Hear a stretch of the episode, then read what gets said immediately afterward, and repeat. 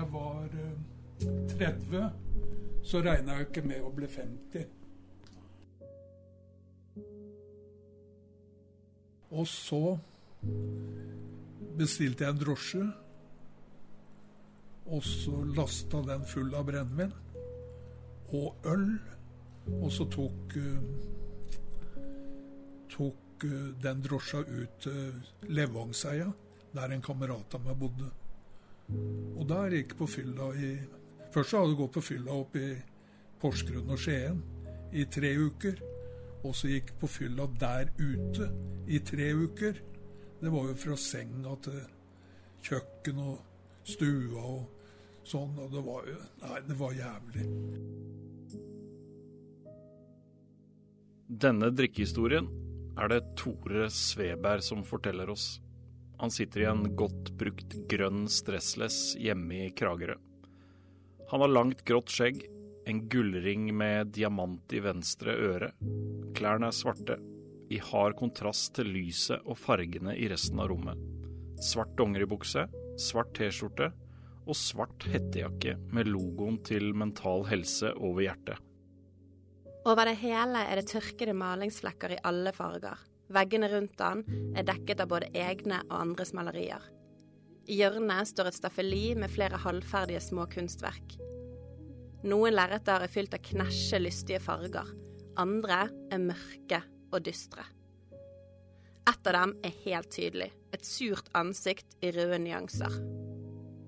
På bordene står fotografier av barn, barnebarn og oldebarn. Det er tente stearinlys, medisiner, en stiftemaskin, en hammer, og fra taket henger det en liten bamse. Kjøkkenbenken er fylt av alt fra Ritz-kjeks til tran og ketsjup. På gulvet ved siden av stolen ligger dagens aviser. Thea, KV og Klassekampen. Tore har snille blå øyne, og latteren sitter løst. Tross alt, kan man si. For Tore Sveberg, han har hatt et tøft liv. Helt fra han ble født. Men før vi går videre, så kommer det en liten advarsel fra 81-åringen selv. Det, det, kan bli noen bannescener, for jeg er jævlig til å banne. Så jeg tenkte jeg skulle spørre dere om det, åssen det er. Det går helt fint. Litt frodig språk tåler vi veldig godt. Tore ble født i Oslo i 1942. Men det tok ikke lang tid før han ble tatt bort fra foreldrene sine. Mine foreldre, da, de var ikke noe sånn til å ta seg av et barn. Så jeg blei sendt på et barnehjem. Og de var jo Ja, de var tørste. Årene på barnehjem husker han ikke noe særlig fra. Han husker ikke engang hvor i Oslo det lå. Kanskje var det til og med litt utenfor Oslo. Men det har skjedd ting seinere i livet som minner ham på hvor han kommer fra, og hva det må ha gjort med ham. Det tydeligste for ham er en episode som skjedde da han var i barneskolealder. Da blei vi invitert opp til rektor på skolen, for de bodde i øverste etasje, og vi i nederste. Og så hadde de Ja, det var middag, da. Og så kom det serveringsdamer, da, i hvitt. Og da ble jeg helt rabiat. Det var jo ganske heavy. Og da tok jeg hendene rundt uh, asjetten med mat, da, for å beskytte maten. Og da fortalte jo det meg noe om hvordan jeg hadde hatt det på det barnehjemmet. Så det sier jo egentlig Og de sier jo det at det ble lagt på de første åra i livet, så ble det lagt et grunnlag eller noe sånt videre. Men jeg har greid meg godt allikevel. da Tore var om lag fire år, så bestemte tanten og onkel til faren hans seg for å hente han til Kragerø og gi han en trygg oppvekst her. Dermed var det slutt på barnehjemslivet. Der hadde jeg det jævlig bra. Og det har jo blitt foreldre nå. Så jeg kalte jo henne for mamma. Selv om hun ikke var biologisk, liksom. Det er veldig takknemlig for at de gjorde det, for det er ikke bare å få en villstyring inn i og villstyring, det var og er han. På skolen var det ofte mye bråk rundt Tore. Han nektet å finne seg i urettferdighet, og autoriteter Det har han aldri hatt mye til overs for. Hvis han ikke ville gjøre noe, så ville han ikke gjøre noe. Og det måtte læreren bare finne seg i. Når jeg på, begynte på skolen, så var egentlig jeg en rabagast. Men jeg tok alltid de svakeste parti. For det ble, var jo jævlig mye mobbing den gangen òg. Og de tok jo de svakeste, og jeg var jo ganske svær, og jeg var sterk. Og da tok jeg de svakeste parti, de som blei mobba, da. Nei, de visste det, hvor tøff jeg kunne være.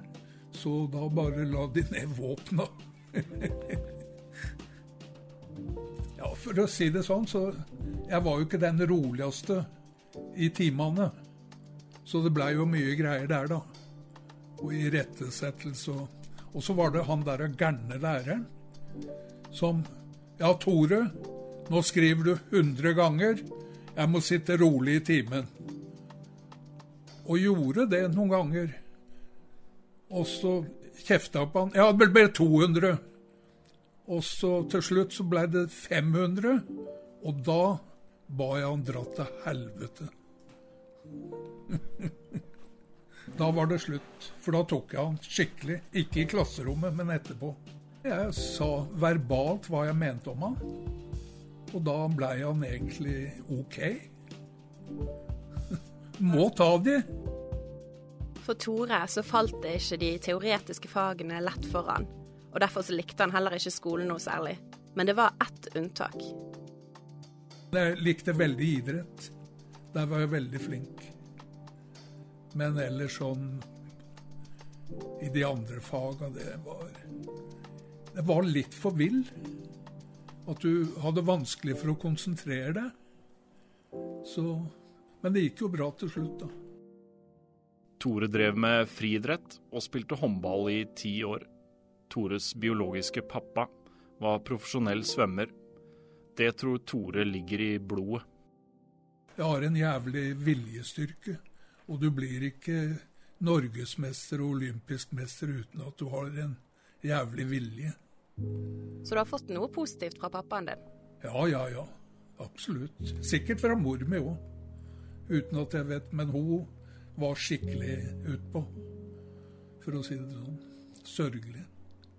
Men jeg har ikke noen navto, nag. Overhodet ikke. Hun hadde sinneproblemer som jeg hadde minne. Så sånn er det. Så du har aldri vært sint på foreldrene dine? Nei, nei, nei. Overhodet ikke. De hadde jo sitt, og jeg har mitt. Og de fleste har jo et eller annet. Skål. Skål for. Vi skåler med kruttsterk kaffe og tar en bit mørk sjokolade, som Tore insisterer på at vi må spise opp før vi går. Egentlig så liker han lys sjokolade best, men 70% kakao er sunnere, vet han. Livet hans er annerledes nå. Han er mer bevisst på hva som er bra for han og ikke. Men sånn har det på ingen måte vært bestandig. Nei, jeg blei jo tidlig alkoholiker. Jeg blei vel alkoholik, alkoholiker når jeg var 19 år. Da følte jeg at Da begynte reparasjonen, liksom. Og det er jo liksom første tegn på alkoholisme. Jeg tok jo første, første ølflaska når jeg var 14. Jeg og en kamerat, vi fikk en jobb. Vi skulle, skulle losse en sånn skøyte med murstein. Og så fikk vi pengene rett i handa. Og da gikk vi rett bort og kjøpte en murer da, av de store ølflaskene. Og da følte jeg at jeg var kommet til himmelen, for da var alle problemer løst. Det var jo masse problemer. Det var jo psykiske problemer, for å si det sånn. Og det er jo ikke noe rart, for jeg hadde jo nerveproblemer. Og det dro jeg vel med meg fra barnehjemmet, vil jeg tro. Og da, når du fikk eh, øl, alkohol, da, så er det jo klart at det roa jo nervene. Det er jo derfor mange drikker. og da var vi kamerater, og sånn, så satt vi mye hjemme hos en kamerat som var som mora jobba om kveldene. Og da dro vi opp dit og satt der og drakk øl, da. Og så fester, da med damer og hele den pakka der. Så det gikk slag i slag. For alt med alkohol det er jo godt helt til det blir et problem. Og da er det jo helvete løs med depresjoner og hele faenskapet. Allerede som 15-åring reiste Tore til sjøs. Og du kan jo trygt si at det ikke ble mindre alkohol der. Når jeg var 15 år, så døde mamma. Og da begynte jeg i lære på Tangen verft å sveise. Og det var ikke noe for meg. Og da dro jeg til sjøs som 15-åring. Jeg syns det var veldig ålreit. Jeg var dekksgutt, da. Og så eh, var jeg messegutt av og til. Vi seilte med tremasse fra Kragerø, fra Strand og over til England. Og da også blei det jo mye drikking. For alle om bord, i hvert fall av de voksne, de drakk. Det var jo liksom jeg, jeg kan ikke huske at det var noen som var avholdende. Etter hvert ble det ledig læreguttjobb på E-verket. Tore grep muligheten. Han fortsatte utdannelsen på land og ble utdannet elektriker, før det var tid for å avtjene verneplikten. Så var det militæret. Der var det et helveteskjør òg. og da hadde jo jeg montørsertifikat. Og, det, og da var jeg bare 19 år, og det var veldig tidlig. Og da blei jeg i fem måneder. For heller ikke her klarte Tore å innfinne seg i regler og struktur. Jeg var alltid opposisjon mot uh, overmakta, for å si det sånn, og det er jeg fortsatt. Men da var det du kan tenke deg at de hengte opp et dokke, og så fikk vi beskjed at vi skulle ha bajonett på, da. Og så skulle vi gå på den dokka med bajonetten og stikke den, da. Og da sa jeg stopp. Det går ikke for meg. For i, du skulle jo gjøre det mot mennesker, da. Så nei, da ble jeg veldig, veldig opposisjon mot offiserer og alt det som er i militæret. Men han kom seg fortsatt ikke unna. Etter rekruttperioden på Tromøya ble han og de andre sendt videre til Oslo. Og da var vi på Nike-batteriet. Det ligger jo batterier rundt hele Oslo med raketter og sånn. Så jeg var på det ene batteriet. Og så lenge jeg var elektriker, så blei jo jeg satt på rakettene på liksom det tekniske, da. Men det droppa jeg, for jeg syns ikke noe om de rakettene. Jeg aldri syntes noe om noe av det der. Og da så kutta jeg ut det, og så ble jeg satt og bone gulver og alt det. Reie opp senger til offiserer og alt det der. En dag på byen i Oslo traff han en spandabel anleggsarbeider. Og så begynte han å spandere, da. Så vi drakk ganske kraftig. Men jeg kom nå opp der på en eller annen måte, jeg husker ikke så veldig mye av det. Men jeg var jævlig trøtt, da. Og så var det han batterisjefen, da. Jeg måtte jo opp der og vaske rommet hans og reie opp og alt det der. Så var jeg så trøtt. Og så tenkte jeg til helvete, jeg legger meg opp i senga hans. Og sovna. Og så bare hørte jeg et blåst i nesa. Så var det han. Og da var det slutt. Og da tenkte jeg her må jeg komme meg vekk. Nå var det nok. Militæret var ikke noe for Tore. Nå måtte han gjøre alvor av tanken om å slippe ut.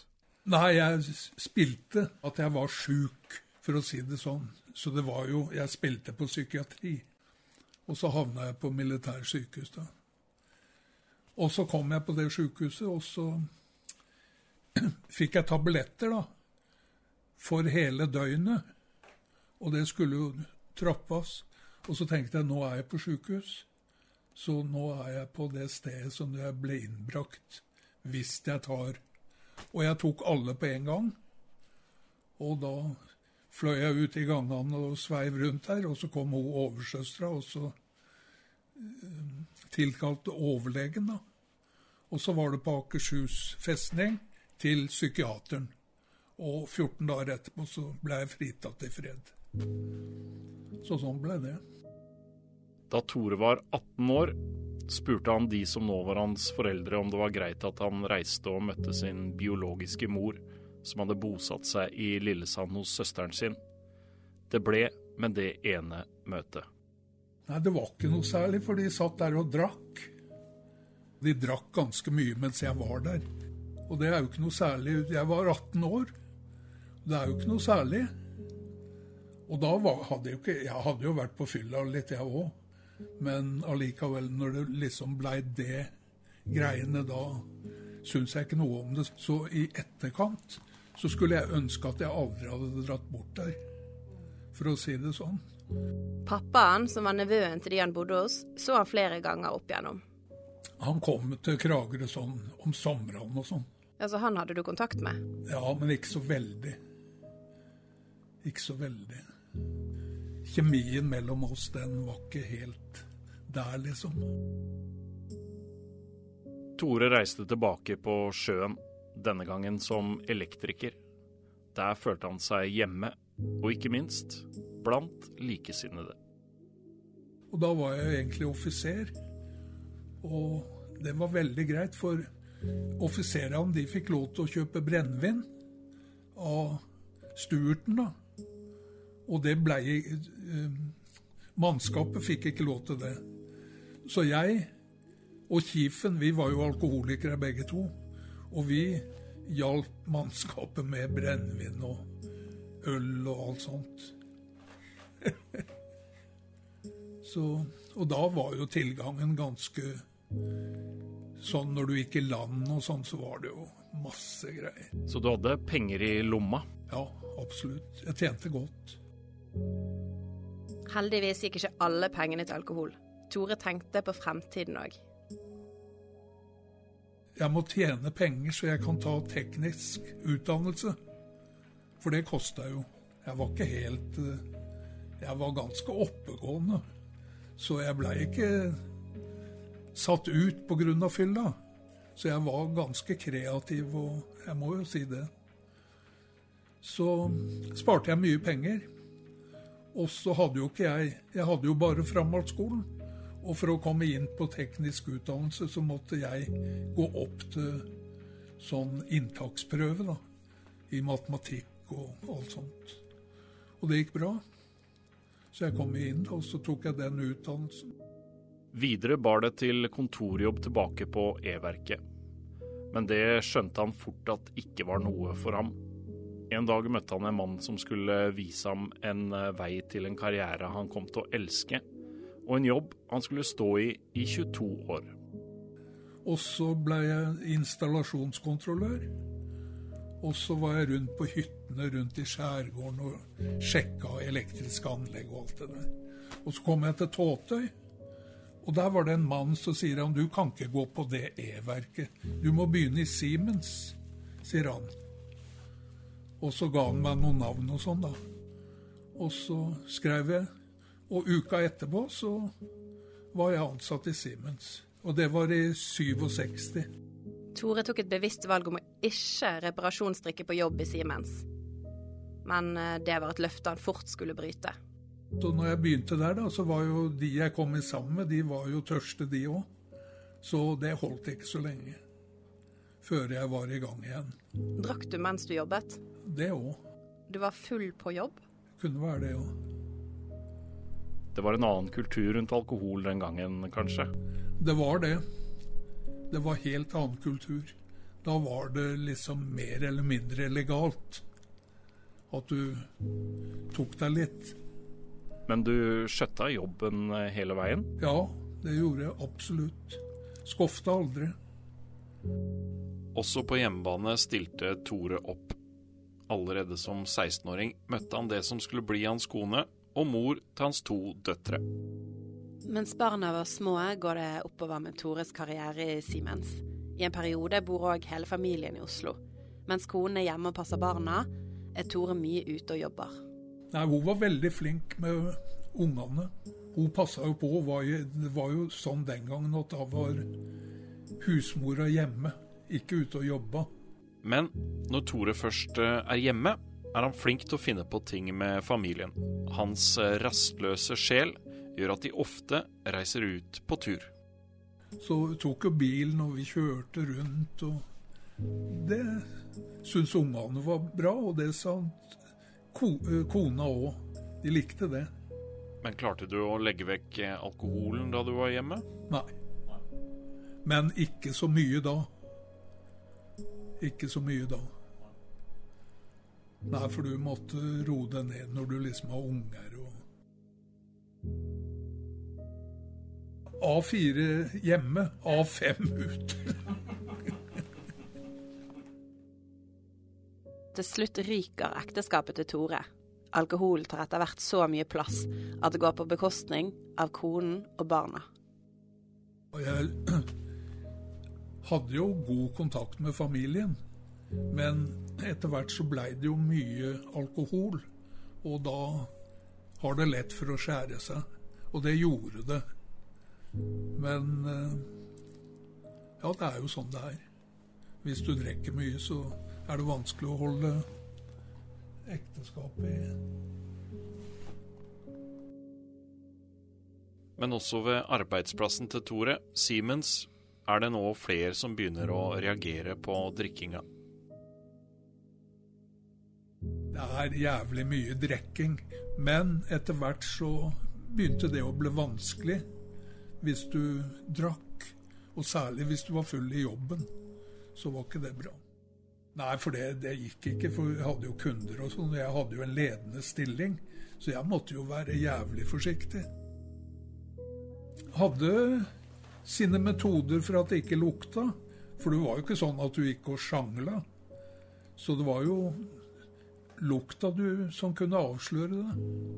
Hva gjorde du da for å dekke lukta? Appelsiner og Appelsiner? Ja. Og så Fishman's-Fred. Den funker. Den var jo fin. Selv om Tore klarer å holde masken en god stund, så merker han etter hvert at det nærmer seg et punkt der han må gjøre noe drastisk med livet sitt om han skal kunne fortsette å fungere. Toppledelsen ved Siemens i Oslo er etter han, og ved to anledninger, mens han jobber på store prosjekter, er Tore nær ved å bli tatt for fyll på jobben. Begge gangene blir han reddet av at noen kollegaer varsler om at han er nær ved å bli tatt. Samtidig blir han separert fra konen, noe som går hardt inn på han. Men når Tore etter disse prosjektene og den tunge separasjonen reiser til Skien for å starte på en ny, stor jobb, så skjønner han sjøl at det ikke er noen vei tilbake. Så havna jeg opp til, til Skien, på Union. Hadde en jobb der, for de hadde noe problemer med noe greier. Og så Og da var det nok, så ringte han kameraten min fra kontoret i Oslo. Nå er de på gang. Og da tok jeg og slappa av. Og så kom de, og så blei de like forundra at jeg var fortsatt edru.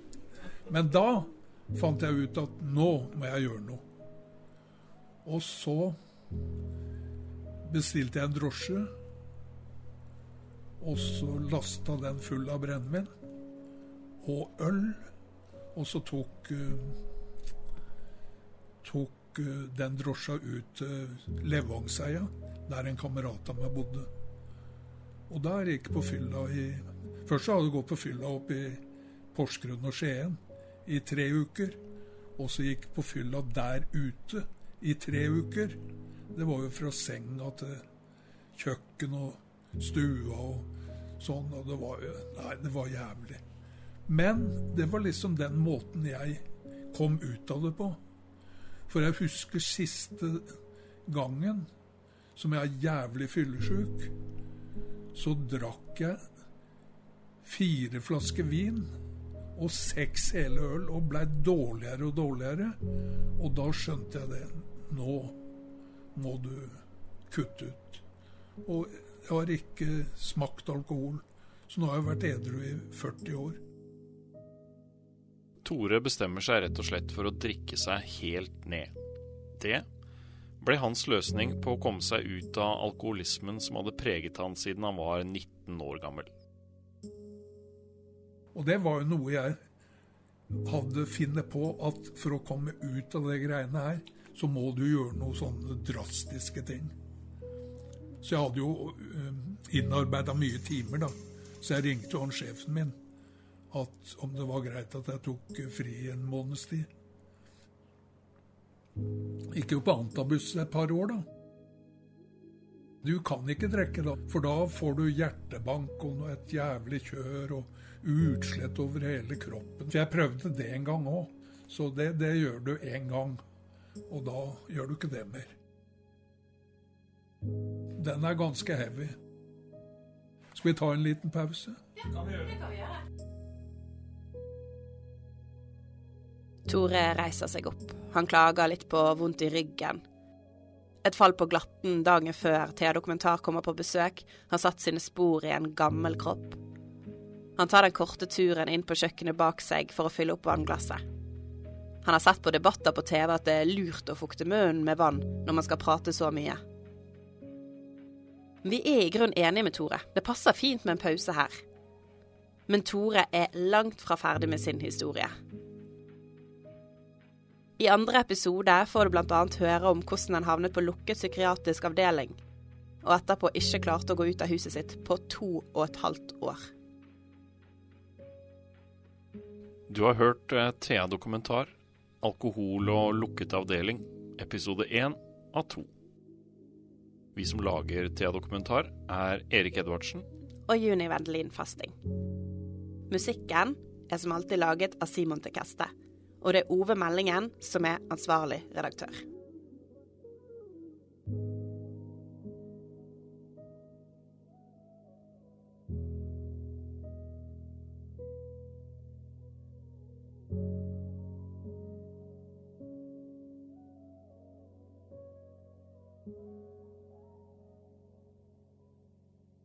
Har du et enkeltpersonforetak eller en liten bedrift?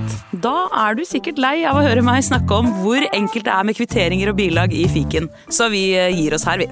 Fordi vi liker enkelt. Fiken superenkelt regnskap.